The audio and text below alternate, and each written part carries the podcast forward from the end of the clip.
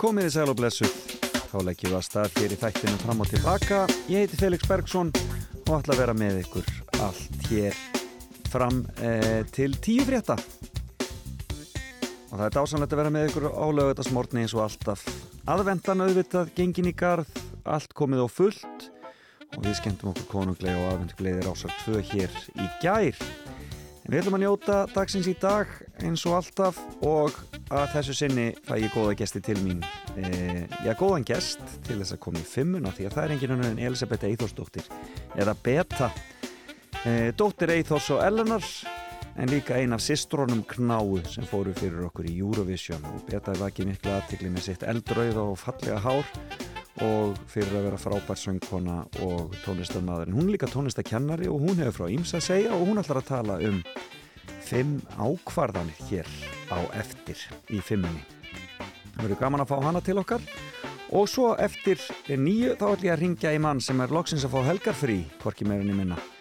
Það sem er alltaf að vinna um helgar en að fær helgarfrí þessa helgina og er þá eh, tilvalið að reyna vekjan á lögatarsmotni Það er Haugur Tryggvason á græna hattinum á Akureyri. Mér langar að þess að heyra svona, hvernig stemningin er fyrir norðan e, á aðvendunni og svona hvað stendur til á græna hattinum.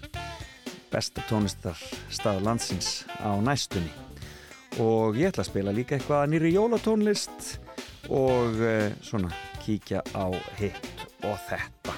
En e, við skulum byrja á lægidagsins og ég er í jólalögunum þessa dagana og uh, mér var hugsað til uh, míns góða vinar og þjóðarinnar Stefáns Karls Stefánssonar. Hann sendi frá sér jólalag sem heitir Aleitnum jólin, söngaði með annars með Björgun Haldursinni en líka með K.K. við skulum heyra hér í Stefáni Karli. Og uh, hugsun til hans hvar sem hann er. Aleitnum jólin heitir þetta.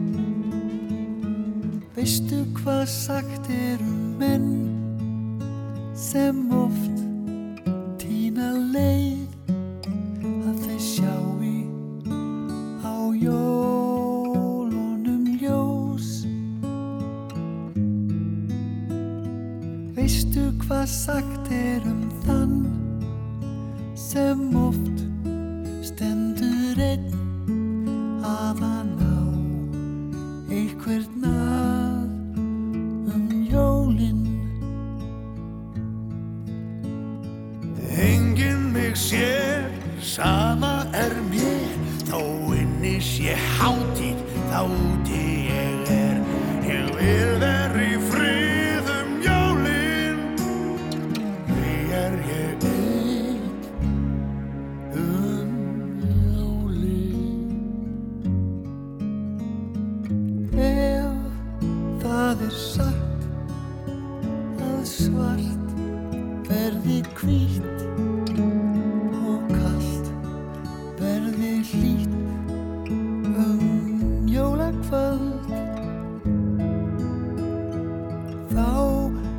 getur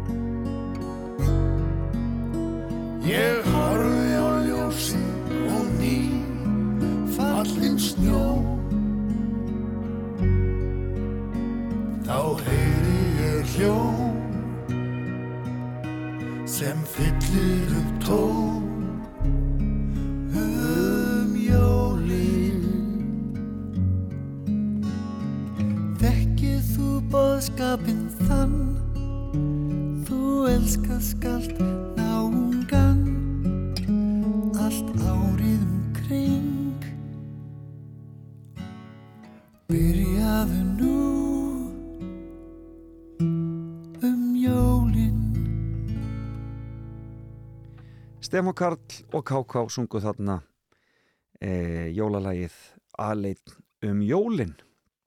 Já, já, nú erum við byrjuð að spila jólalagin alveg eins og við mögulega getum og skemmtum okkur konanglega við það. Þetta ásamlegu tími í músikinni e, En það fyrir að líða því að hún beta setjast inn hjá mér í fimmuna, Elisabeth Eithórsdóttir en áður en það gerir skulum við heyra í sýsturum og nýjasta lagi þeirra sem kom núna bara nýlega. Það heitir einfallega Goodbye. Þetta eru flott lög sem eru að koma frá þeim. Dusty Road búið að spilast mikið en þetta lag hefur heist minna. En við skulum heyra það og svo byrjum við beta að spjalla. I'm going away for a while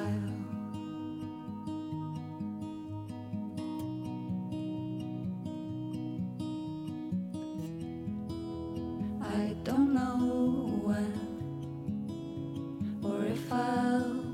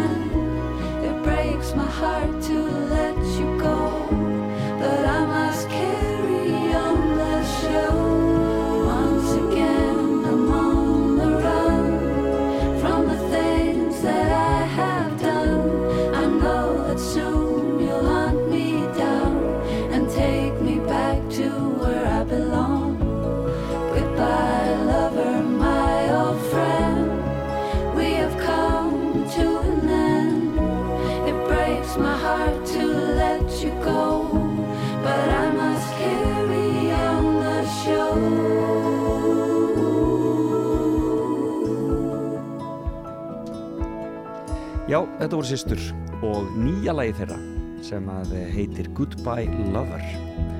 Og með það er hún sest hérna hjá mér Elisabeth Eithórsdóttir Beta, velkomin. Takk fyrir. og til hafmyggju með alla músikina sem sýstur hafi verið að senda frá sér undarfarið Takk helga fyrir það. Þið hefði alveg ákveðið að halda að hamra játnið meðan það var heitt. Heyrðu, já, við erum bara ótrúlega hefnar að fá að halda áfram með hljómsveitina. Já, vinna í ykkar eigin efni. Já, já, og þið finnir fyrir áhuga og það er að ganga, þetta er að ganga vel já, algjörlega. Við erum bara á fullu núna að, að semja nýtt efni og taka upp bara nóg, nóg að því Briljant. Hvernig er að vera svona alltaf með fjölskyldunni að vinna í músík? Það er ekki, það þarf nú að vera gott samkomulega til að það gangi. Já, það, það er gott já. og við erum að læra Já, að eiga góð samskipti já, og vissilega hjálpa í Eurovision með það veist, þar, þar voru við með svo eindislegt fólk sem að hjælt svo vel utanum okkur og við, við læriðum alls konar af þeim samskiptum en þeir þurftu náttúrulega líka þá að læra að vinna í rauninni svona náið saman sjálf, Já. þið fjögur. Já. Það er náttúrulega hluti af, hluti af ferlinu líka í rauninni. Því að þið höfðu ekki, þið ekki gert það mikið áður eða hvað. Ég meina þið eru alltaf svona, svona koma og fara í, í tónlistinni hvert hjá öðru. Já, jú, vissulega, þú veist, við sýstuna náttúrulega um, stopnum bandi CCA Einmitt, 2011 akkurat, einmitt. þannig að við svona unnum mikið saman, tókum svo pásu og, og svo þegar að Lófisa ringdi okkur að þá erum við komin annað fjögur? Já, Eithor Ingi bróður það með mættur, já, og það var bara, það var ótrúlega gaman. Ég er mjög samstiga, það vantar ekki. Já, auðvitað, þú veist, við erum náttúrulega sískinni Já. og við eigum okkar skrýtnir samskipti og góðu samskipti og, Já, og hérna en alltaf, við náum alltaf ef það kemur einhver upp á þá náum við alltaf að, að reynsa lofti þú veist, við erum aldrei við getum aldrei verið ósátt í heilan dag sko. Við, við náum alltaf að útkljá allt sem betur fer það er stóra málið. það er mjög gott En upplifið þú sko að verandi svona mið, eitt af miðjubötnunum, mm. þið Elin eru svona miðjubötnin. Já. Þarna e, e, e, höfðar þetta til í þessar kenningar um, um, um yngstabarnið, elstabarnið og miðjubötnin eða? Já, vissulega sko. einu bestu vinkunum mínu hún ringist undum í mig og, og, og spyr mig svona úti svona því hún á, hún á stelpu sem er miðjubann Já. og þá segi ég henni, já ég tengi við þetta, ég tengi við þetta og, Er miðjubötnin svona sátta sem er einn svolítið? já, en svo líka svo skemmtilegt að segja frá því að hérna svona þegar ég var fullorðin og sé vídeo að mér, það er svolítið svona ég var svolítið svona, pappi kannski taka vídeo Já. af Elínu, hún er eitthvað sittur á gólfinu, þá Já. hoppa ég inn í bara hæ, hæ, pappi, hæ, pappi. Aðtikli, Já, aðtikli, þannig aðtikli. ég var alveg, ætli þetta sé eitthvað miðubann syndrom ég var, ég var svona svolítið aðtiklisjúkt bann, vissulega Skemmtilegt. Já, Það er gott. Það er gott. Þannig á þetta að vera. Heyrðan, þú ert með skemmtilega fimmið því að þú ætlar að tala um ákvarðanir í lífinu. já, Og, og ertu búin að, var erfitt að finna fimm ákvarðanir til að segja ykkur frá? en sko það kom alveg frekar fljótt til mín Já, ég þurfti ekkert að hugsa mikið um það nei. um, sko fyrsta Já, ákvörðin byrjum bara á fyrstu. já, það var að verða mamma Já, það var ákvarðun alveg. Nei, já, þú veist, besta ákvörðin Já. þetta var svona fimm, Bestu fimm ákvarðanir. besta ákvörðinir Gott já, mál. sem ok. að ég hugsaði Já. já, þú veist, það var hérna já, ákvörðun hvort sem hún hafi verið hérna alheimurinn tók hana, ég veit ekki alveg hvort að ég tók hana beint en, en jú, vissulega þá ákvörðun að verða mamma var hérna, ég var svo heppin að fá að taka Ha, Taka hana. ákvörðun Hvað ertu gömul þá? ég er 21 ás Já. þegar ég eignast stráki minn Já. hann er 14 ára í dag Já, svona líður tími. já, hann er það besta sem hefur komið fyrir mig Nákvæmlega. Og hvernig gekk það allt saman? Gekk það vel? já, það gekk bara ótrúlega vel Já. ég hérna mér fannst þetta ótrúlega skemmtilegt hlutverk, krefjandi vissulega þú veist, ég, hérna, ég var fyrst af mínum vinkunum að eignast að ég var komin svona þegar að ég fór að kíkja út með vinkunum mínum þá fekk ég mig bara pilsneðir og, og hérna og var svona ekkit voða mikið að kíkja út ég var voða svona ég tók þessu hlutverki svona stundum aðeins of alvarlega En bjóstu, bjóstu með basföðinum á þessum tíma eða svoleiðis? Já, ég bjó með honum þanga til að, að hérna Jói varð áttamána. Já, einmitt. Svo hættum við saman og höfum bara verið mjög góða vinnir alveg síðan. Ég skil. Og, og Jói verið þá hjá ykkur svona til skiptis eða svoleiðis? Já, svona, svona mest Já. Agnes, já. Já. En þegar, þú, en þegar þú skilur með svona lítið barn, fóstu þá aftur heim eða hvernig, eða bjóstu þá ein eða hvernig, hvernig fóstu að þessu? já, sko við vorum svo heppin að við vorum með íbúð fyrir ofan mamma og pappa Já, já. mamma og pappi voru með risíbúð fyrir Já. ofan sína íbúð Þannig að þú fekk stuðningin frá þeim. já, og við vorum þar bara byggum þar alveg og svo bjó ég þar alveg ein með Jóa bara mjög lengi Já, einmitt. já, mjög heppin Já. En þú ert að menta þig líka á þessum tíma, eða ekki? Sko, jú, ég hérna nei, ég var að vinna Já. og svo þegar ég er 27 ára Já. þá ákveð ég að fara í FIH Mm í kennaradeildina Einmitt. og söngnum Já. og að því ég einhvern veginn ég kláraði ekki uh, mentaskóla ég bara einhvern veginn hérna datt alveg út úr því, ég átti mjög erfitt með að læra Já. á þessum tíma og ég bara einhvern veginn en þegar ég var 27 ára þá loksis fann ég hvar mín ástriða liggur Já. og hún var í FIH og það Já. var svo gaman að því að það var svo mikið verklegt nám ég á svolítið erfitt með svona bóklegt Ég skil þig. þannig að ég, það var rosa gaman ég fekk að vorum að læra trommur, gítar, bassa Já. Piano og alls konar Og þú verður í rauninni þá uh, söngkona, hljóðfæraleikari, bassaleikari, kannski bassin svona þitt hljóðfæri, aðalega það ekki? nei, nei, piano er mitt hljófari Píjána er þitt Ég- hljóð, já, ok. byrjaði bara eiginlega að spila bassan sko þegar við fórum í Eurovision Já, það er bara svo leiðis. Ég held að þú væri fyrst og fremst bassaleikari í grunninn. Nei, Svona er maður nú vittlaus. ég, nei ég, ég var alveg að spila á bassan áður en, og mér finnst bassi er eitt af mínum uppáhalds hljófarum Grunnurinn í söllu saman. Já. þannig að ég Búin að horfa á Jó Ásmund síðan þú var smá stelpa. heldur betur maður Öss, ég, með góðar fyrirmyndir Með góðar fyrirmyndir, Já. akkurat, já. en, en ég er, ég er búin að kaupa með bassa Já. og er held áfram að æfa með bassa En píanóið er þitt, er þitt hljóðfæri og það er það sem þú notar þá í kennslunni, fyrst og fremst. um, já, en ég sko tónlistakennst það sem ég er ég er meira svona verið að syngja og, Já. spila á önnur hljóðfæri Já. þannig að ég við erum við erum alltaf tvær saman sko, þannig ég er ekki mikið að spila undir ég er meira svona hlaup, fá hlaup um gólfið og, og hjálpa krökkunum með alls konar verkefni Það var já, sannlegt. finnst það svo gaman Og þú vinnur í tónlistakennslunni í hjallastemninni. Já. það er besta starf í heimi Frábært, vinna með börnum. En hvað með Jóa? Hvað ætlar hann inn í tónlistina? já, heldur betur Já, er það? hann er sko hann er rosalega klár Já. hann er, hann er algjör beatbox meistari og hérna var einmitt á tónleikum fyrir nokkrum árum þar sem að hann beatboxaði með heilum kór. Já. það var aðeinslegt og svo hérna jú, hann er bara rosalega flottur rappari og söngvari og Og er hann búin að taka upp einhver hljóðfæri líka eða svoleiðis? já, hann spilar á gítar Mm og piano og hérna og pikkar upp alls konar þannig að hann er hann er algjör snillingur þetta barn, Frábært. Já. Það það, er, það er best. það er best Þau eru best. já, þau eru best Blessu börnin. já, blessu börnin Frábært. Já. Fyrsta ákvörðun, besta ákvörðun að eignast barn, eignast Jóa, 21 árs. já, Hver er næsta ákvörðun? Svona góða ákvörðun. Segðan okkar að segja okkur frá. það var að verða tónlistarkona Já,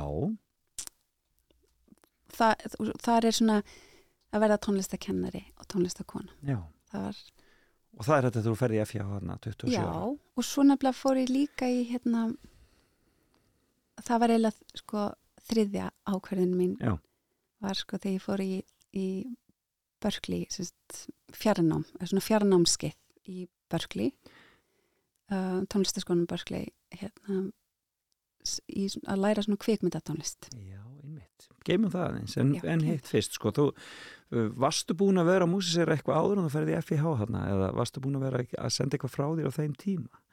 um, Nei, ég var ekkert jú, ég var, við vorum í CCA Það var CCA, já, Já. einmitt. og, og svo alltaf eitthvað með með sýstur mínum og Já. mamma og pappa eitthvað svona í röddum og alls konar eitthvað að syngja en, en mér vantaði svolítið svona að finna mér einhverja einhverja stefnu Já. svona eitthvað að gera Já.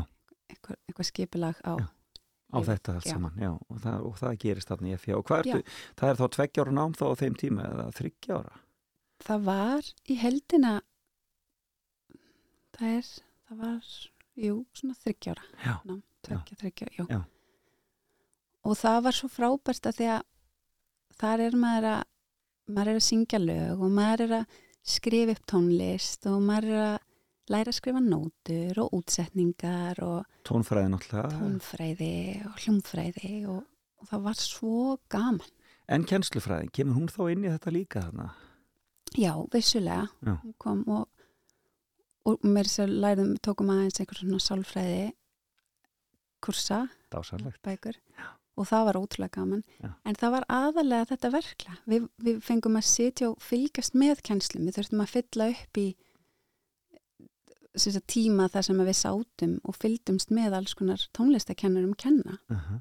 og það fannst mér vera svo lærdomsrikt að fá að fylgjast með því að aðteklisbresturinn í mér leifi mig voða lítið að fylgjast með því sem ég er að lesa því að það fer bara út Já, þessu bara, Bara- bara stafinni fara á bara flug og ég man ekkert Já. en að fá að gera það í þessi, þessi verklega námi að fá að læra og fá að halda á hljóðferðinu og, og syngja og fylgjast með kennslinni það kendi mér svo mikið og það gaf mér svo mikið innblástur Frábært Já.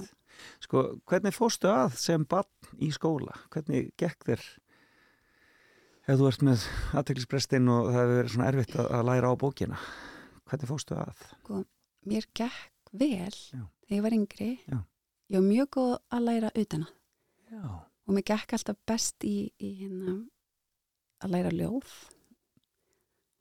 og í kristinfræði. Það var, það var kent þá sko, einmitt, akkurat. Að, og það var einhver svona við að læra utan að. Ég bara læra biblíusögunar utan að læra bara Já. það sem að, já, Já, ég man, ég man ekki alveg af hverju en ég fekk alltaf nýju og tíu kristinfræði. Já. en svo bara, ég get ekki sagt hvað ég var að læra Nei. núna ég get ekki lesa upp ljóðin. En, en svona skamtíma minnið hjálpaði mér mikið í þessu í þessu í grunnskóla ég, Hvar, hvar varst í grunnskóla? ég var í grandaskóla í eitt ár, fyrsta mm Mhm. svo fór ég í landagóttiskóla Já, já, já, mm svo í 8. 9. og 10. bekk var ég í engaskóla já Engi skóli er hann í, er í Grafavói já, alveg. Já.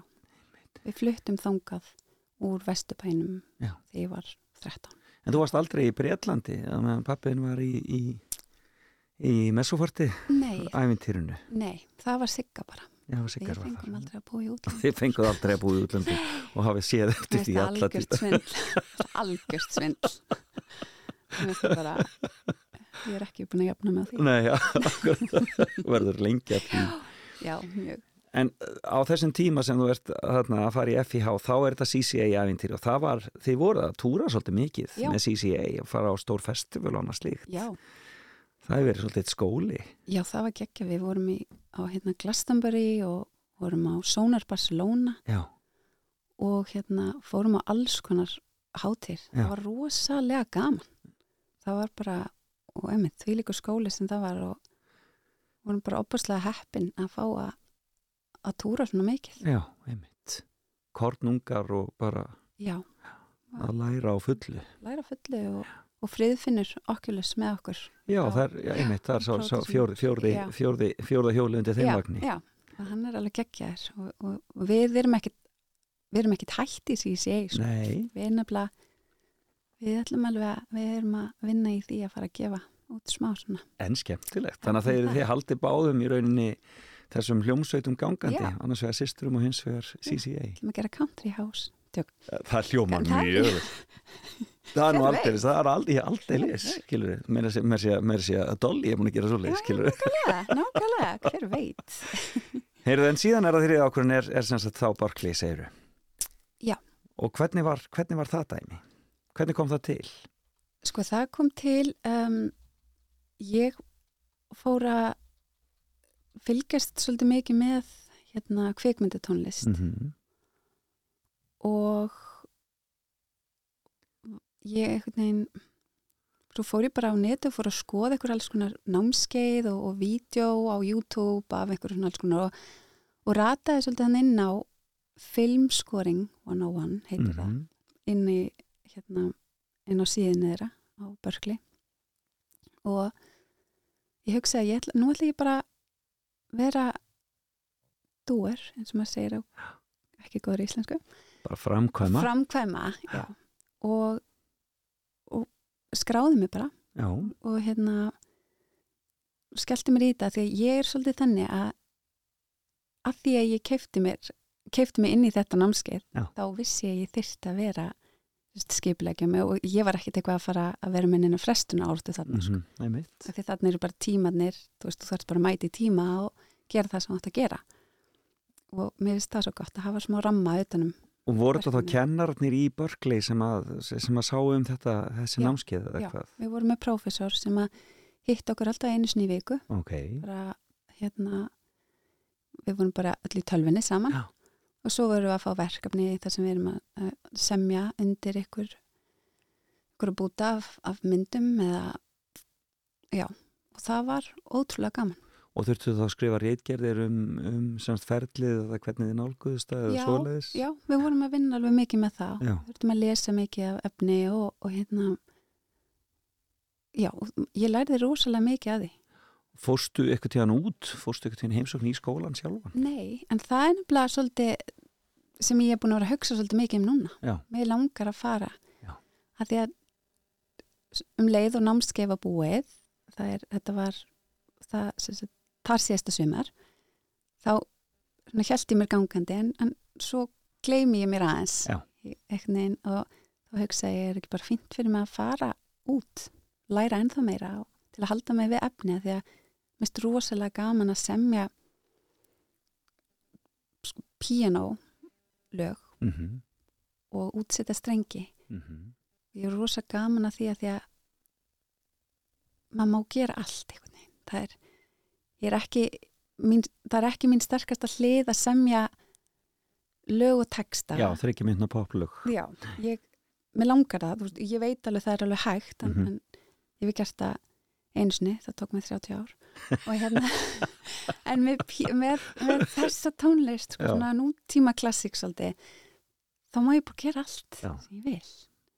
Og maður má það þetta allstæðar en, en þarna er, situr maður bara í smá flæði og, og, ég fann að það hendar mér mjög vel. Hefur náða að gera eitthvað við þetta? Ertu að fara, ertu, hefur verið að vinna við einhverjar svona Mm. kveikmyndir eða sjónvarp eða eitthvað svoleiðis sem að Nei, ég er komin með fullt af efni og búin að fá hérna, frábæra strengja hljófarleikara til að spila inn á eitt lag hjá mér sem að, sem að, hérna, sem að ég er, það er bara í vinslu það er svona að maður þurft að taka smá pásu þegar maður var í Eurovision þannig að nú er þetta bara nú eru nóga verkefnum og þá er bara um að gera skipilegja sig. Og koma þess á framfæri. Já, nákvæmlega stóra málið. Ég er með smá eins og ég segi hérna frestuna áratu en ég koma með dagbók í janúar og skipilegja en það lítur að vera heilmikið málarinn að komast inn skilur að komast inn í þennan bransa ganga á milli og, og, og hérna, Mhm. minna á sig og sína Já. hvað maður getur gert og annað slíkt Já, það er nefnilega það er það Já. en maður verður bara einhvern veginn fyrir, fyrir mér er þetta þetta gefur mér rosa mikið bara, þetta er svo gott fyrir sálina þetta er svona eins og hugleisla briljant Já. en við skulum heyra lagið sem þú tók 30 ára að koma út þarna, og taka okkur smá pásu Elisabeth Eithórsdóttir hér er lagið sem þú sendir, út, sendir frá þér áður, árið 2019 Já. heitir einfallega Do It On My. Own Just let me close my eyes. Just let me rest. Just let me close my eyes. Just let me rest.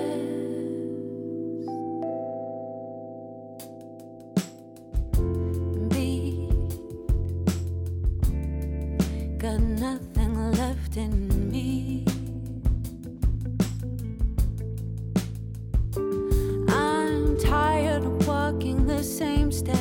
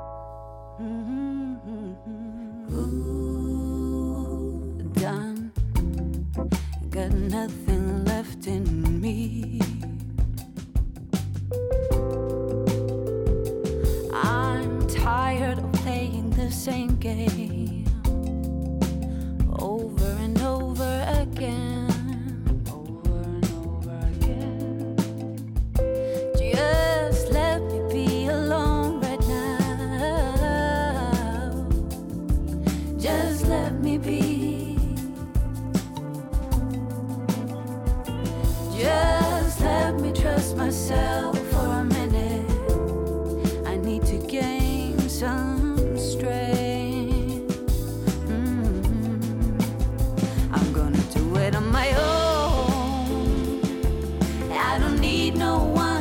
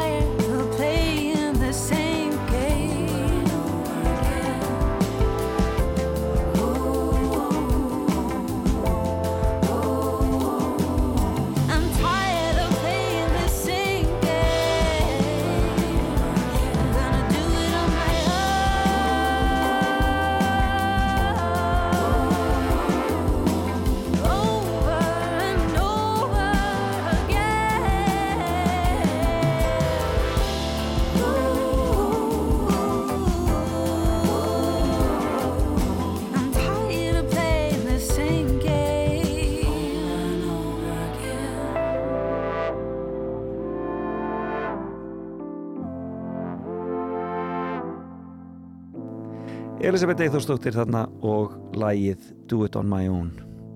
Og hún er viðmannandi minn hér í fimmunni.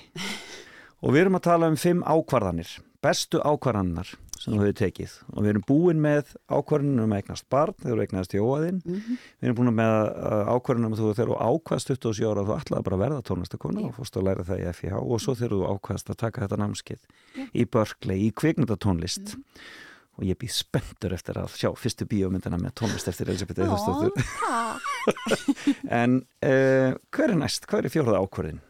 Heyrðu, fjórða ákverðinin er að fara til sálfræðings.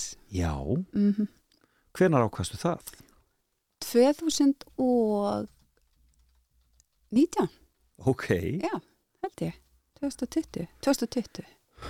og varstu þá í einhverjum sérstökum, varstu þá í sérstakri klemmu eða uh, var þetta bara svona almenn ákvörðin? Já, þetta var svona almenn Já. ákverðin og, og me- já, með bara svona alls konar lítið sjálfströst og, og hérna aðalega það, já, Já. eða svona alls konar Og hvernig, og ég menna, og bara í rauninni finnur manneski sem þið langar að, að tala við eða, Já. eða líst vel já, á mér var bent á hana af, af manneski sem er mér mjög kærkomin Já. og, og ég er opaslega þakklátt fyrir það því að, að því að hérna það er bara geggjað að vera hjá sálfræng Já, það er geggjað ég bara veit alveg hvað það tala um. Já. Þetta er bara, þetta er svona me-tími, þetta þetta, Já. þetta er bara, þú færið svolítið tækjafæri til þess að líta inn á við. Já, og einhvern veginn að speikla sig í, í alls konar tilfinningum og, og það, þetta hefur vissulega hjálpað mér mikið. Tók það á, byrjar Já. ræðum hluti, Já, það tók alveg á. þurfti, þurfti að tóka upp úr þér svolítið og, og íta á þig og svona. Já, og gerði það og, og hérna og það sem ég læriði mest eða það sem ég, mér finnst best er í fyrsta lagi sé að ofinbera þetta hérna, Mm -hmm. alls þar Mm en nei, að er, ég læriði sjálfsmildi Já, það er það er eiginlega finnst mér rosa mikilvægt fyrir alla að muna eftir að sína sér sjálfsmildi hætt að refsa sjálfum sér alltaf, alltaf á stöðu. Já, að því að samvinskupiti gerir mann ekkert þegar maður er að rífa sér niður fyrir að vera ekki búin að þessu eða þessu eða Mhm. vera ekki nógu góð mamma eða, eða nógu góð tónlistarkona, synguna eða hitt og þetta Mm að þá hjálpar ofta að einhvern veginn að sína sér bara smá mildi, bara ok, þú ert að upplifa þetta núna og Klappa sér klappa bara sér bara bakið Já. já, og, og leifa sér að finna þetta því að þá líður þetta frekar hjá maður svona að skoða tilfinningana ok, af hverju er ég að upplifa þetta Já, og þá kannski líka möguleik að breyta einhverju ef það er Já. eitthvað sem að maður vill breyta. nákvæmlega, Fekstu uh, verkefni frá sálfræðingnum? eða fullt af verkefnum. Já. fullt af verkefnum og vissulega þurfti oft að íta á mig að klára þau mm því Mhm. ég glemdi mér stundum Einmitt. en svo koma svona skorpurinn á milli þar sem ég er mjög duglega að, muna eftir að vinna Já. í verkefnunum en, en það var líka þá sem að hérna, hún benti mér á að ég væri mjög líklega með ADHD Já. og það þegar ég fekk ADHD greiningu þá það var líka léttir Opn, opnaði, opnaði auguðín fyrir. Einmitt. Það er mjög algengt að fólk sé að fá, það er orðið miklu algengar að fólk sé að fá ADHD greiningu á fullorðinsárum. Já, já, og það virðist vera mjög mikilvægt. já. Já, algjörlega, því þá er þetta fyllt á svona ADHD podcastum sem að Einmitt. ég hlustaði mikið á. Og svona, já ok, það er ég er ekki svo eina sem að geri svona eða geri ekki svona eða gleymi svona, það veist, við erum fullt af okkur að núti Þannig að þú mæli með þessu að, að fara og sækja sér þessa hjálp.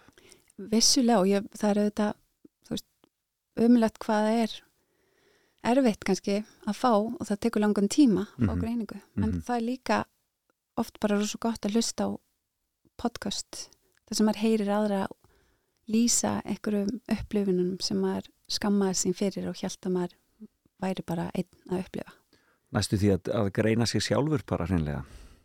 Að Nýta, nýta svona svoleiðis tæki til þess að, já, bara, já, finna bara einhvern veginn tengingu við aðra, þú veist að maður sé ekki einn einhvern veginn að að verða pyrraðar út á fáralöstu hlutum. Já, og hérna, þú veist að það sé kannski bara partur af einhverju sem maður ræður ekkert við. Nei, hluta manns bara af því hver maður er. já, já, nákvæmlega. Nákvæmlega. Áhugavert. þannig, Það er bara svoleiðis. Já. Og hefur haldið áfram þessari sjálfsvinnu? já ég er bara ég ætla bara að halda áfram alltaf held ég Ótröð. þetta er bara eitthvað sem að ég það er bara partur af mínu lífi núna En hvað með tónlistina og starfið og svona, starfið með börnun og svona, hjálpaði það þér svona í að ná fókus og, og skilja betur það tilfinningar sem þú ert að gangi í gegnum? Þú veist eins og að vinna í tónlist en náttúrulega mjög svona, það, það þarf að sækja mikið inn á við. það er, ég finn oft að þe- þegar það er liðin langur tími frá því Mhm. að ég settist við hljóðfæri eða er eitthvað að semja þá verði pínu aftengt þannig að það það er eins og hugleisla einmitt, að, að setjast við hljóðfæri og spila en, Já. en það er líka eitthvað sem maður þarf að fyndi, Sigga var bara að segja við mig áðan og maður, maður þarf að taka sér kannski klukkutíma dag bara að æfa sig eða, eða setjast við hljóðfæri bara fyrir, fyrir sjálfið Nákvæmlega. af því það er svo gott, það er svona styrkir andlega hliðina líka Mm -hmm. og svo kennslan, hún hún sko hún veitir manni mjög mikla hamingju Sérðu sjálfa þið stundum í nefndu þínum? Þú komum fyrir og sér lítinn strákaði litla stelpu sem að þú bara um, Þennan Vissulega. þekki ég. Já, vissulega vissulega og svo það er líka svo, það er svo mikilvægt fyrir börn að Mhm. fá tónlistakenslu mm vegna þess að, að veist, við erum í við lærum öll þessi bóklegu fög og svona í grunnskólum og að það er líka svo mjög rosalega mikilvægt að vera með listgreinar inni líka. Já, að því að stundum eiga börnar veit með að, að skilja og vinna í bóklaufögunum en eru svo gjössanlega blómstra í listgreinunum. Nákvæmlega og ég sé það svo oft þegar ég er að kenna að hérna já, eins og segir ég sé oft sjálfa mig í fullt af þessum börnum og Finnur fyrir því að þú saknir þess að hafa kannski fengið meira að vera að vinna í listgreinum þegar þú ert í, í skóla?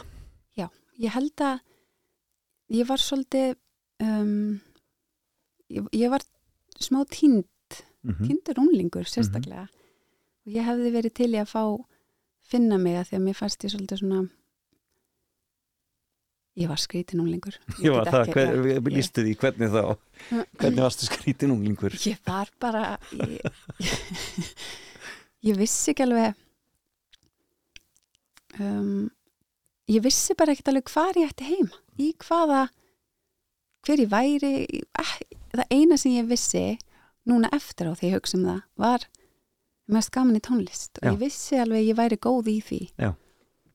og ég tók einu sinni þátt í um, söngleik sem við gerðum í skólanum, Já. Hárið Ok og fekk að syngja það lag og mér fannst það gekkja og, en ég var, ég var rosa feimin og órug og, og, hérna, og ég hefði elskað að fá að vera í tónlistatímum mm -hmm. og fá að kynnast krökkum sem að elskuðu tónlist hjá mikið og ég það hefði verið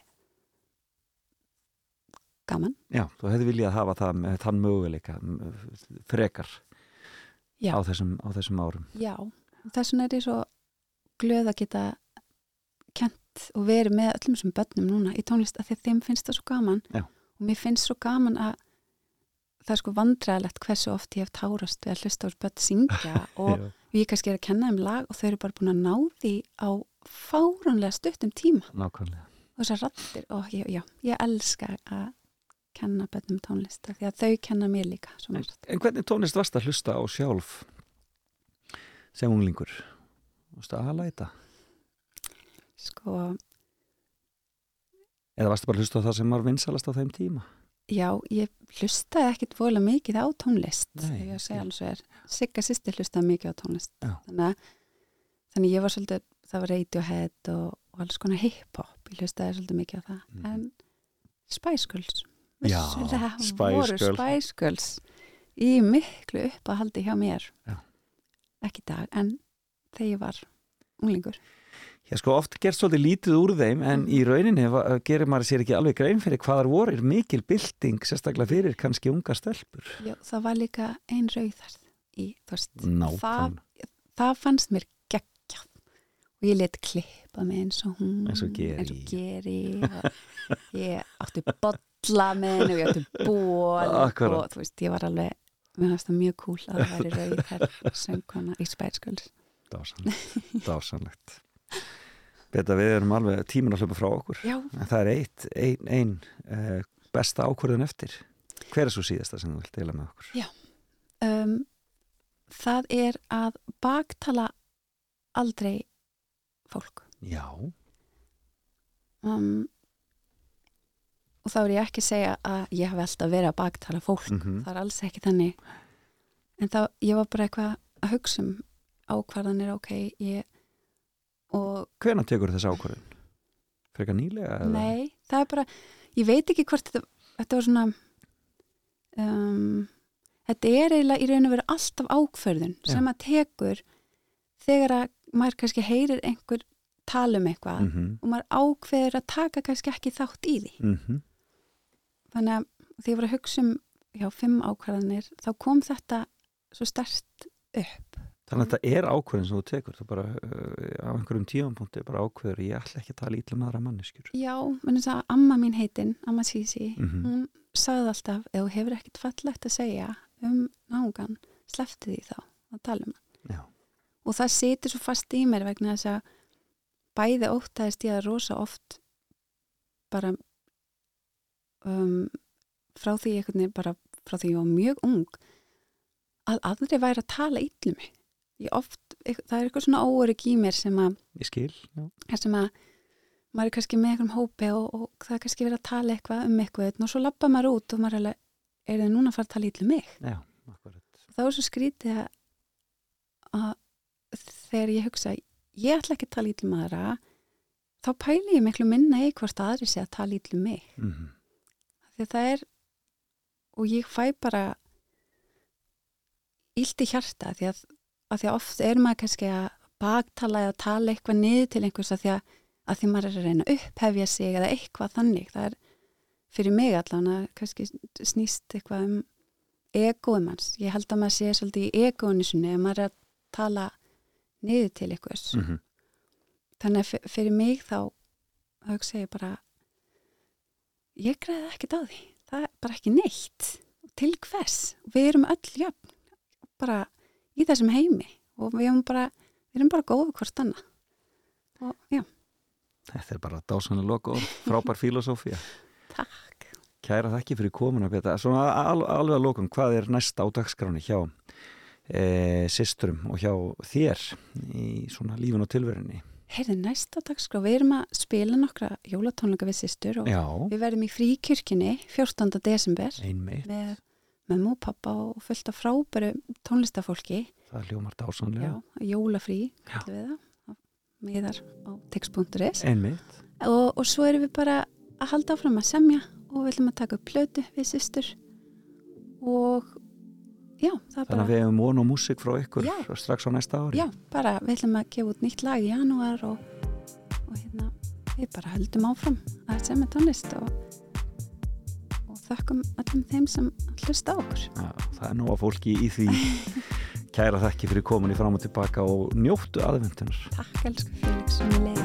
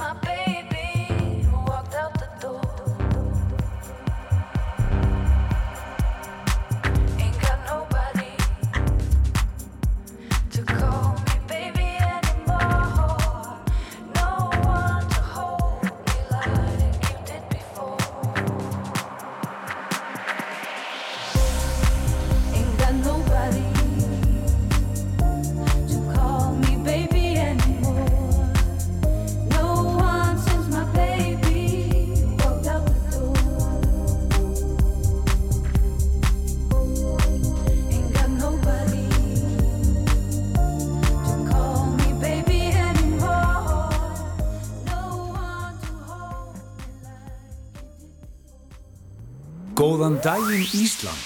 Fram og tilbaka á Rástvö.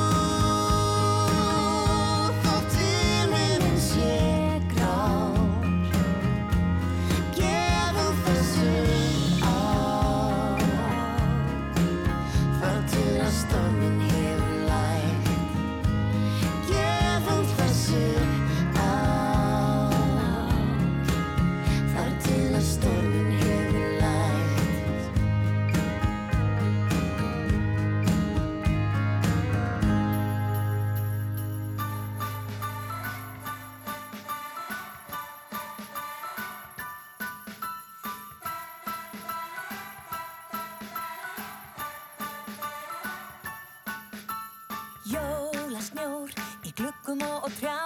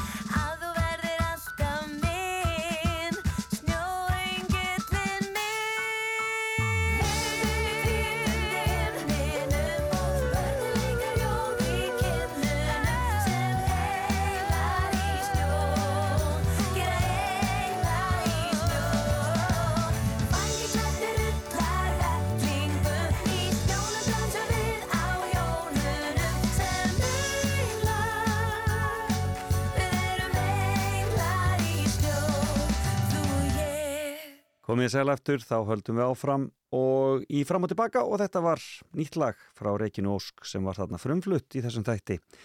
Englar í snjó heitir það, nýtt jólalag frá henni kraftmiklu söngkona sem var einmitt gestur minn í fimmunni fyrir eh, já, stuttu síðan og talaði þá um jólatónleikana sem hún er að fara að halda í Lindakirkju þann 21. desember og meðal gesta þar Ómar Ragnarsson, ég veit að margir hef eftir að vilja sjá þann aldna snilling á sviði og jólatónleikum. Hver vill ekki sjá Ómar Ragnarsson syngja og gríla á jólatónleikum? En gestur minn hér í morgun var hún Beta, Elisabeth Eithórsdóttir, svo frábæra tónlistarkona sem fór fyrir Íslands hönd á samt sýsturum sínum og bróður í Eurovision í ár og það var dásanlegt að setjast nefnum Betu og heyra fimmuna hennar sem snýrist um fimm eh, bestu ákvarðanir lífsins og þær voru nú af öllum stærðum og gerðum. En ef þið viljið heyra spjallið okkar þá getið rent ykkur inn á netið á eftir og tekkað á því. En Ragnhjóður Gröndal er næst og hér er lag sem að ég heyrði fyrst í fyrra frá henni, um, Jólin með þér og ég sagði þá að þetta er því klassík. Er það ekki bara leiðin að verða það? um farin fjarlægan veg fylgjumst að þú og ég. Hjartans lifna ljóð og lítil kviknar glóð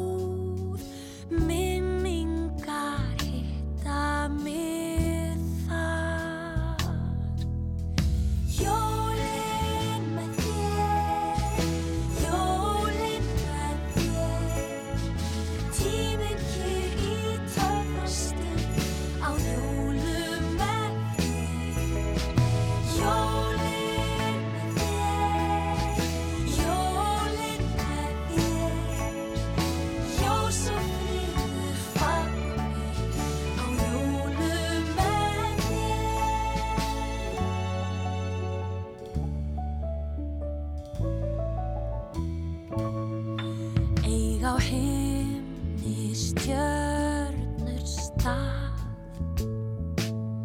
Stara niður og nótt fellur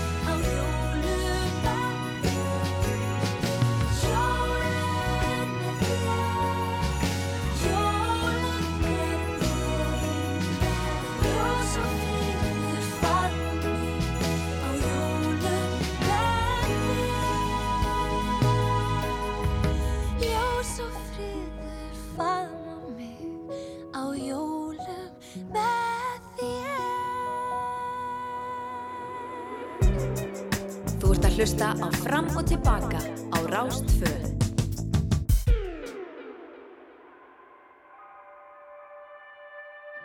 You'll be the saddest part of me, a part of me that will never be mine. It's obvious tonight is gonna be the loneliest. There's a few lines that I wrote in case of death. That's what I want. That's what I want. So don't be sad when I'll be gone. There's just one thing I hope you know. I love you so. Cause I don't even care about the time I've got left.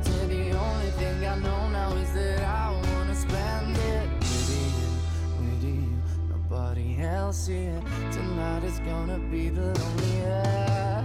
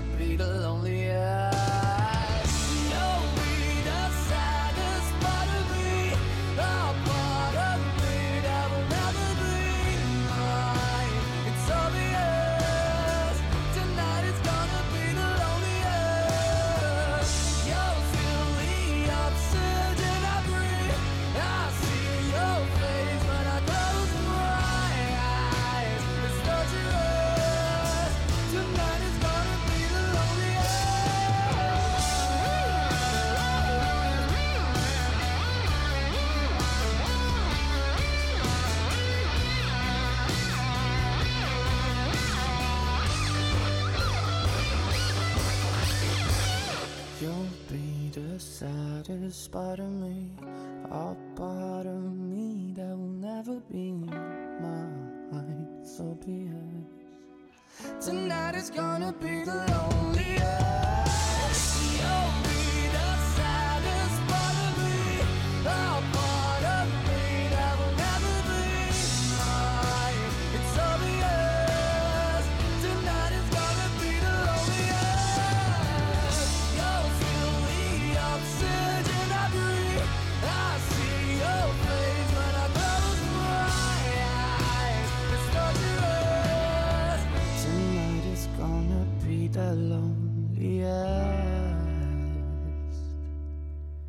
Måneskin þarna og nýja lagi frá þeim. Það heitir The Loneliest, vel gert hjá þeim. En það verður að líða því að við heyrum í vertinum á græna hattinum, honum hauki tryggva sinni hér og mér leikur mikil foröftna á að vita hvað hann geri þegar hann á fríhelgi, þetta gerist nú ekki oft. En hann stendur auðvitað alltaf vaktina á græna hattinum og tekur þar á móti gestum. En hann á frí núna um helgina og þá náttúrulega ekki nota maður tækifærið og vekur hann á lögutasmotni. En e, mér langar til að heyra áðurum við heyrum viðtalið við haug í e, hljómsveit sem spilar gjarnan á græna hattinum. Þetta eru Helgi og hljóðfærarleikarnir og lag sem heitir Þakin Rósum.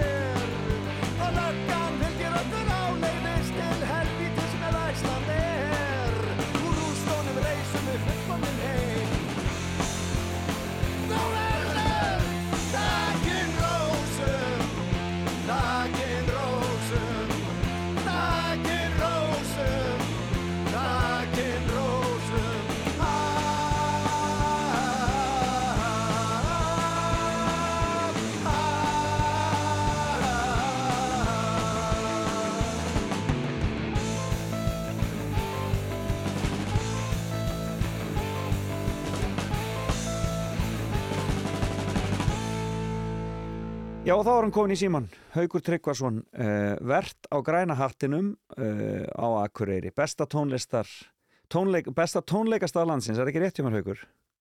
Já, það er einhverju sem segja það, jú. Ég veit ekki hvort það, hvort það hættir ég. Vertu nú ekki mennin að uppgera hæfi, sko, þú bara tekur undir þetta eins og sannur Akureyringur, skiluru, Já, já, já. eða ekki?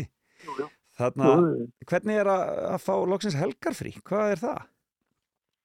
Ég bara, bara veit það ekki, skilur það ekki og ég bara kann það ekki einu. Sko.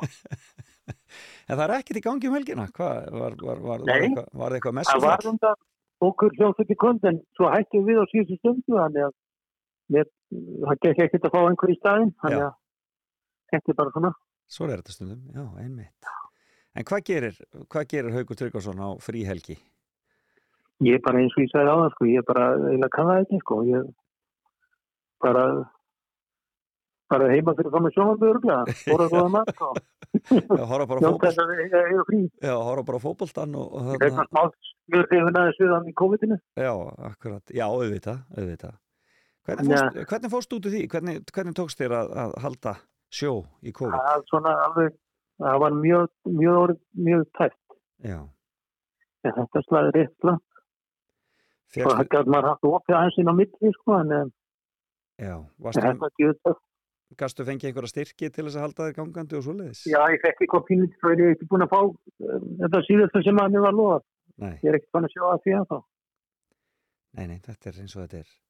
En svona, en svona, já, en margir svona rettuði sér nú aðeins fyrir hotn á því, á þessum, svona, Jó, á þessum, uh, hvað heitir þetta, me, messufallsstyrkjum. já, mitt. En hérna, e, Akureyri á aðvendunni, er hún ekki mjög jólaleg? Jú, jú, algjörlega, sko. Og mikið að tónleikum út um allt, þannig að það er, það er sjálf bara ágætt að taka frí eina helgi en að hleypa, hleypa öðrum að. Já, er það þá mikið kóratnir og svoleiðis sem eru þá í gangi? Já, já, og svo er náttúrulega í hofi náttúrulega helmikið að vera og, og náttúrulega út um allt bara eins og það er. Já, hvernig, en, en hvað með, hvað með túristan? Er hann ennþá að hilsa upp á okkur á Akureyri? Nei, það er ekki mikið um túristeina núna. Nei, það sé minna. Já, mjög lítið, held ég. Já. Og, en skreitir, en bærin vel skreittur og svoleiðis? Hann er mjög fallega skreittur. Já. Það er ekkert upp á það. Vanda bara snjóin, eða ekki? Það vantar bara, já, smá, svona, smá snjó yfir. En ég held að segja ekkert margir sem saknaði, sko. Nei. það er nú eins og það er. Þetta er, það Já. eru plúsar og mínusar. Það, Jú, verður- jú. það verður meira myrkur ónættalega þegar snjórin er ekki. Já, hann er alveg svarta myrkur en alveg langt fram til degi. Já. Akkurat. En hvernig er það hjá þér eh, með desember? Er, ertu með eh, yfirleitt með mikið prógram? Já, ég ég er náttúrulega bóka allar helgar, sko. Hvernig verður þetta hjá þér í? Og- Þú, þú ert, það, það, er, það, er, það er eitthvað að koma næstu helgi eða ekki? Já, næstu helgi eru leppalúðarnir, það er Gísli Einars og Freyr Eyjóls og samt, og samt orginal kvandarsbræðurum. En skemmtilegt. Þeir eru búin að vera nokkur ári röð, Já. Svona, mikið, mikið gaman og mikið, mikið fjör hjá svona, svona ljótir hálfvitar. Já, það er nokkur konar. Og er gísli, er gísli liðtækur í svoleiðis?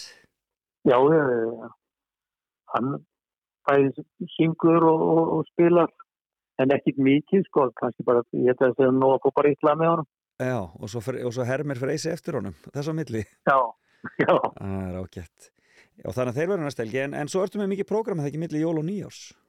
jú, svo helgin og þar eftir þá er Steppi Jakko og, og með félagi með sér Já, og Egjóli Kristjáns eru fyrst í hennum, já, en þá. En- Tóra. það er 16. og 17. Já, og svo er, svo er milli jól og nýja þá er alveg alla daga, alveg frá öðrum í jólum fram að gamla skandi. og hvaða listamenn eru þá heimsókn hjá þér? Þá er ég með þá er ég með kvandarsbreið, jólatónleikum með þeim, þeir eru búin að vera á fyrir 10-20 ár Einmitt. á þessum degi annan jólum svo Killer Queen sem er svona Queen tributband með Magna Áskis fyrir á 27. og svo er Úlfur Úlfur 28. Birgir Blær sem slóði gegn í Svíþjóði ædolkeppni þar Einmitt. hann er 29. og svo eru Helgi og hljóðfærileikarnir á 30. sem er líka búið að vera árlegt í eins lengi eins og menn, elstu menn muna. Þeir eru náttúrulega dásamlegir helgi og hljófaralegarnir. Jú, Frábært, frábært band þar á ferðinni. Og er það, er svo það, ég bara, hmm, og ertu, en er það ekki með neitt á, hérna, á gamláskvöld sjálft? nei, ég aldrei verið með það. Nei. Þá kann ég taka frí. Já, þá tekur þú fríð. Það er almennlegt. Þannig að þarna, en, en þetta er, þetta er þrjusu prógram þetta myndi jól og nýjás, þannig að það er bara, það er um að gera fyrir fólk bara að skella sér norður og vera bara fyrir norðan. Já, en það hefur alltaf verið fullt á alla þessa liði. Það er hennar ár, já, já. Já. En þetta hljómar svolítið svona eins og svona fastir liðir svolítið, þarna bæði hljóðfæralegarnir annað og er Alveg á hverju ári. Já, einmitt. Þetta er dásamlegt. En Já, eh, en svo byrja ég bara, hmm, hvað segir þau? svo byrja ég nýja ári bara með, með uppáhætningunum Já, sem er, sem er band með, eh, sem er skipað Moses Hightower mönnum og Sigurd Tólasjús. einmitt. Þau hafa verið að syngja Jónas og Jón Múla eða ekki. Já, jú, Þannig að það er, það er, og er, bara er bara hver, hver veitur en öðrum. Þú veist að segja mér að þú hefur verið að bóka Fókus, hollenska bandið. Já, já, Þeir hafa komið til þín áður eða ekki. já, tvisvar áður. Og þeir eru svona hrifnir að, hrifnir það. hrifnir græna hattinum. Þeir vilja koma aftur. Mjög, mjög hryfnir. En skemmtilegt. Og hérna, eh, það er mikið spenningur í þeim strax. Þeir eru að spila alveg á hryfnir, sko, hverja einn stöndi. Briljant. Og hvenar ætla þeir að koma? Þeir verða 10. mars, Ja, briljant. Þannig að mann geta að fara að búa til verða það. bara hérna á hverju. Sleppa, sleppa hörpum, koma bara á græna, happin, græna hattin. Já. Já. Já. gott að heyra. Haukur, það er gott að heyra að það sé, sé En stemming. það yfir þessu. með- Svo er græna hættinu 20 ára núna í februar. Já, og hvað ætlar að gera til að blása til ammælis? Ég nú reynda búin að bóka það þá helgi, það er ljóta álið En það ánum mjög vel við að það séu ammælis, það séu já, ammælis já. tónleikarnir. Ha. Já, já, En þú ætlar ekki að halda neitt Og sérstaklega upp, ekki að halda, það. þú ætlar ekki að halda neitt sérstaklega upp á það eða svo leiðis. ekki þannig lagið, ekkert meira enn vennilega. Já, en 20 ár og, það, og, það, og það, þú ert í rauninu búin að halda þessu alveg út í þessu 20 ár fyrir utan kannski COVID-tíman. Já, já. Búið er eitthvað cirka 2500 tónleikar. Það munar ekki um það maður. Það er bara nánast hverju helgi, sko, trennið tónleikar. Já, hérna hér. Þannig að það er búið að vera tótt ég í því. Það er fljótt að verða maður. Já, það eru Ég er búin að 150, á öllum nema þinn.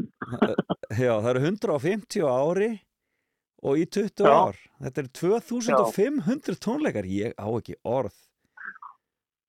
Og alltaf er gaman. Alltaf ég gaman. Dásanlegt. Haukur, þetta var, þetta var gaman að heyri þér og ég bara byrð kærlega að heilsa norður og gangi þér vel í harkinu og við bara, ég býð spenntur eftir 20 ára amælistónleikunum að maður verður eiginlega að mæta til að sjá ljótu hálfvitana á 20 Já, já. ára amæli græna hatsins. Það skildi maður þingalur. En ég segi, byrð kærlega að heilsa norður og njótið aðventunar. Hefur takk fyrir. Takk fyrir spjaldið. Takk sem leiðis.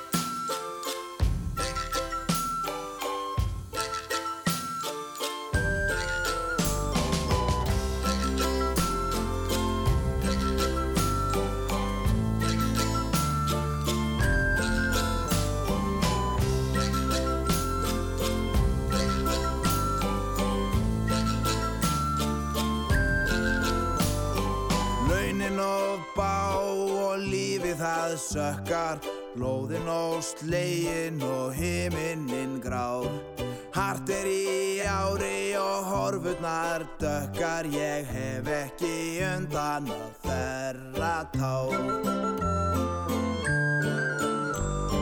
Krakkarnir og virkir konan í fílu Ég kvefaður sjálfur með flensu og hór Langar það helst að leggjast til liggja þar einsamall fram á vor. Auðvitað gerir ekkert af þessu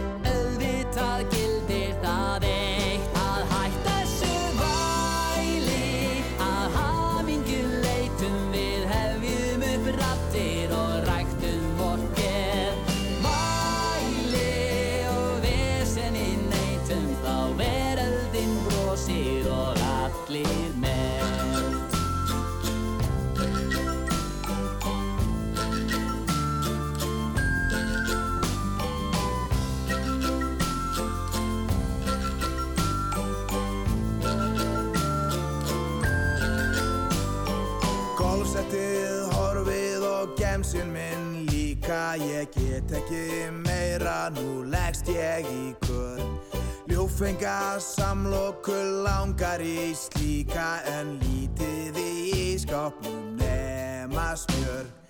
Hvert hefur fjölskyldu hundurinn flúið? Ég finn ekki veskið, hvar setti ég það?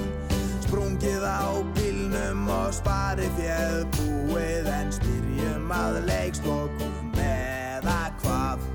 Bálreiður öllu á botni langs kvolfi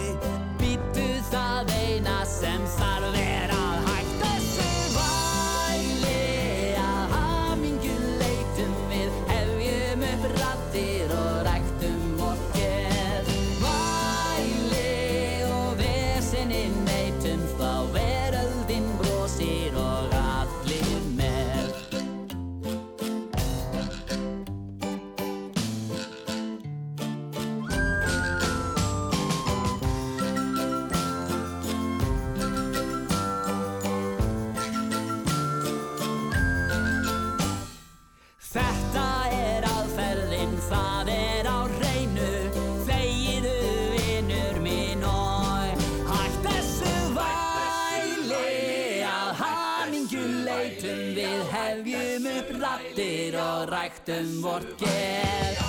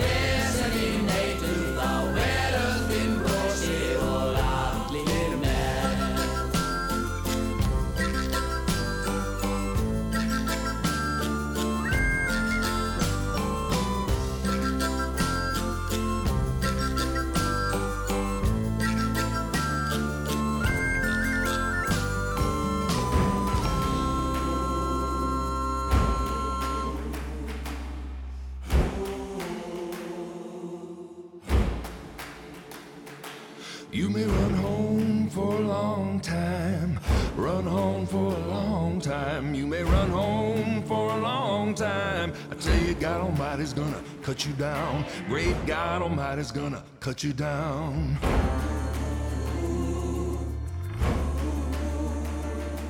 Go tell that long-tongued liar. Go tell that midnight rider. Tell the gambler, the rambler, the backbiter. Tell him God Almighty's gonna cut him down. Great God Almighty, let me tell you the news. My head's been wet with the midnight dews. Now I've been down on my bended knees, talking to the man from Galilee. My God spoke, he spoke so sweet. I thought I heard the shuffle of angels' feet. He put one hand upon my head. Great God Almighty, let me tell you what he said. You may run on for a long time. Great God Almighty's gonna cut you down. You can run on for a long time. Run on for a long time. You can run on for a long time. I tell you, God Almighty's gonna cut you down. Good God Almighty's gonna cut you down. You may throw a rock and hide your hand, working in the dark against your fellow man. But sure as God has made the day and the night, what you do in the dark will be brought to the light. You may run and hide and slide and slide, try to take the mold from your neighbor's eyes. Sure as God has made the virgin and the pope, what you reap, my brother, is what you sow. You may run on for a long time, run on for a long time. You may run on long time. I tell you, God Almighty's gonna cut you down. Great God Almighty's gonna cut you down. Go tell that long-tongued liar. Go tell that midnight rider. Tell the gambler, the rambler, the backbiter. Tell God Almighty's gonna cut him down. Good God Almighty's gonna cut him down. Great God Almighty's gonna cut him down. Great God Almighty's gonna cut him down. Þetta var aldeilis kraftmikið og skemmtilegt. God's gonna cut you down og um, frábælega gert hjá uh, John Grant þarna uh, sem að er nú engum, engum líkur eh, og þetta er náttúrulega gamalt Johnny Cass lag sem hann syngur hérna með miklum tiltrifum. En það er jólatónleikanir og það er aldeilis verið að eh, hlaða í margt skemmtilegt aðeins að kíkja í gegnum þetta hér og eftir svona hvað er, er spennandi framöndan ef við ekki að byrja á ég að fá hér eitt gamalt gott með eh, já, upp á höldum þjóðarinnar Sigurði Guðmusinni og Sigurði Torlasíus þau ætlaði þetta að vera í hörpu eins og vinnilega og hér syngja þau hitt ásamlega lag Desember hverju Með heiðríkju í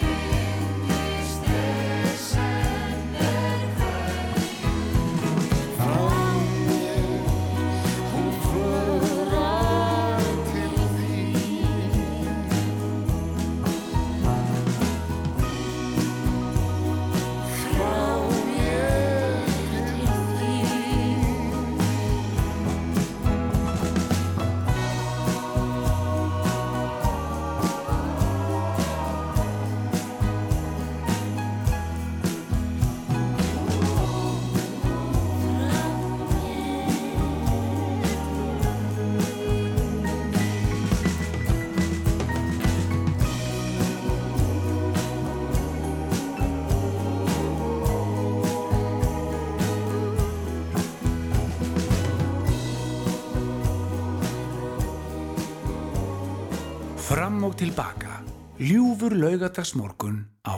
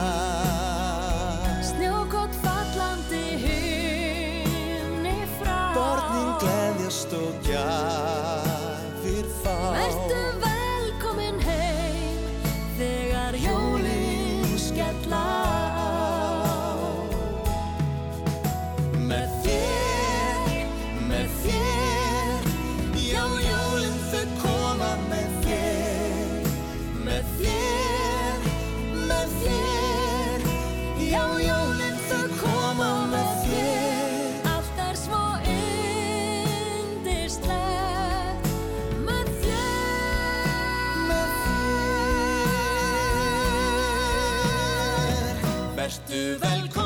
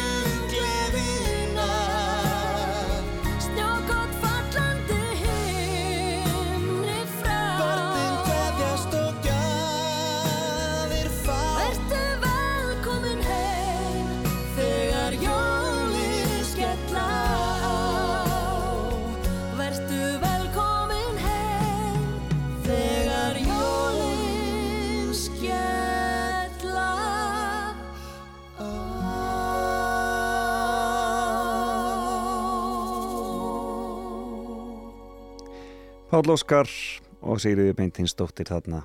Og Jólinn koma með þér, þetta er nú príðilega gert hjá þeim og þau e, verða á, í hörpu.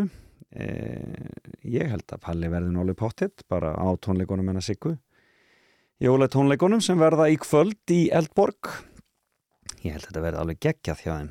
Og eh, e, Dísala verður hérna Lárisdóttir og eh, er ekki Guðrún Gunnars líka bara frábærir listamenn hérna með. Það er, það er alveg endalust af flottum tónleikum framöndan ehm, Dittu, hún verður ehm, annaðkvöld, 4. desember. Og það held ég að verði nú líka stórkostlegt. Ehm, svo er það Júlevennir Júlevenner sem hann MC Gauti er með. Þar koma nú margi við sögu til það Saga Garðas og Raka Gísla eh, sem að eru þetta dásanlegt Jólagisti Björgvins, 17. desember. og Jóhanna Guðrún verður í fríkirkinu 23. desember e, og svo verða barnatónleikarnir Jólatónleikar Sinfoníunar og mér sýnist að Halldóra Geirharsdóttir verður með þeim þar e, e, og þetta eru verða miklir jólatónleikar e, svo er þetta Friðrik Ómar það eru, e, hann er búinn í salnum en allar að halda áfram e, fyrir norðan og verða með tónleika í hofi þannig að það er bara, já, það er bara alveg endalust af flottum e, jólatónleikum. Ég var ég búin að minnast á Herubjörg þetta er alveg þetta er algjörlega briljant nóg í gangi. Og svo fyrir utan alla hina tónleikana sem eru síðan bara venjulegi tónleikar. E, þannig að það er algjörlega endalust en eigum við ekki að fá eitt bakalút hérna? Það kom ekki jól nema þessi bakalútur og þeir gerðu frábært lag með henni Svölu fyrir nokkrum árum síðan. Það heitir einfallega Sex mér finnst þetta algjör snild.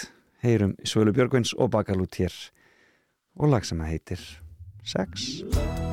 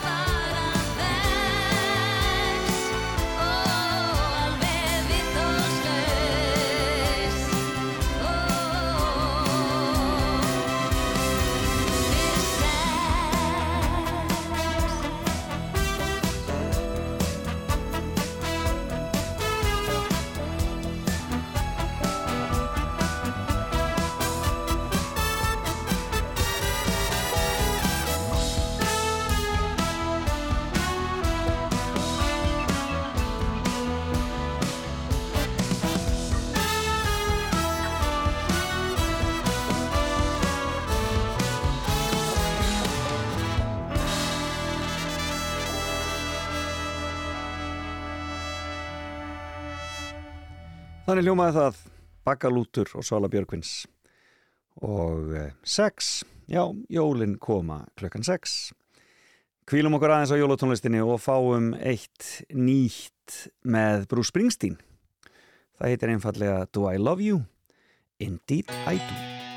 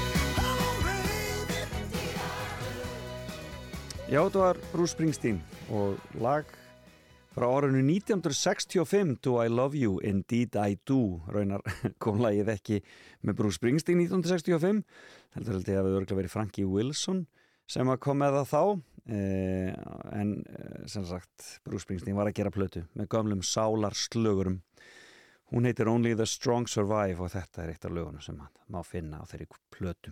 En þetta er búið hjá mér í dag búið að vera dásamlegt að vera með ykkur öllum hér á þessum laugardegi og eh, Salka Sól fer að taka við. Eh, ég bara ætla að kveðja hér með. Hlakka til að vera með ykkur aftur þetta viku. Njótið aðvendunar hvar sem þið eru, það er dásanlegt veður og dásanlegt að vera til. Eh, fariði varlega og eh, slækið nú svolítið á. Nú er akkurat tíminn fyrir heitt súkulaði en það ekki, en við skulum fá stelpunnar í First Aid Kit til að klára þetta hjá mér í dag Nýja lagi þeirra heitir Out of My Head. Felix Bergson þakka fyrir sig. Heinumst aftur eftir viku. Bless, bless. Back in time, oh, I go wandering through the rooms of my mind. Every door that I've been closing, all the people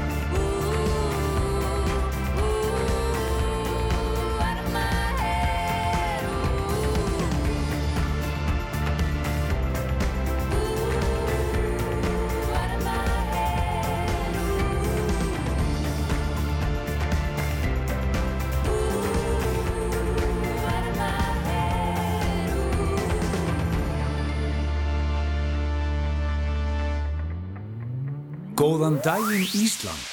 Fram og tilbaka á Rástvö.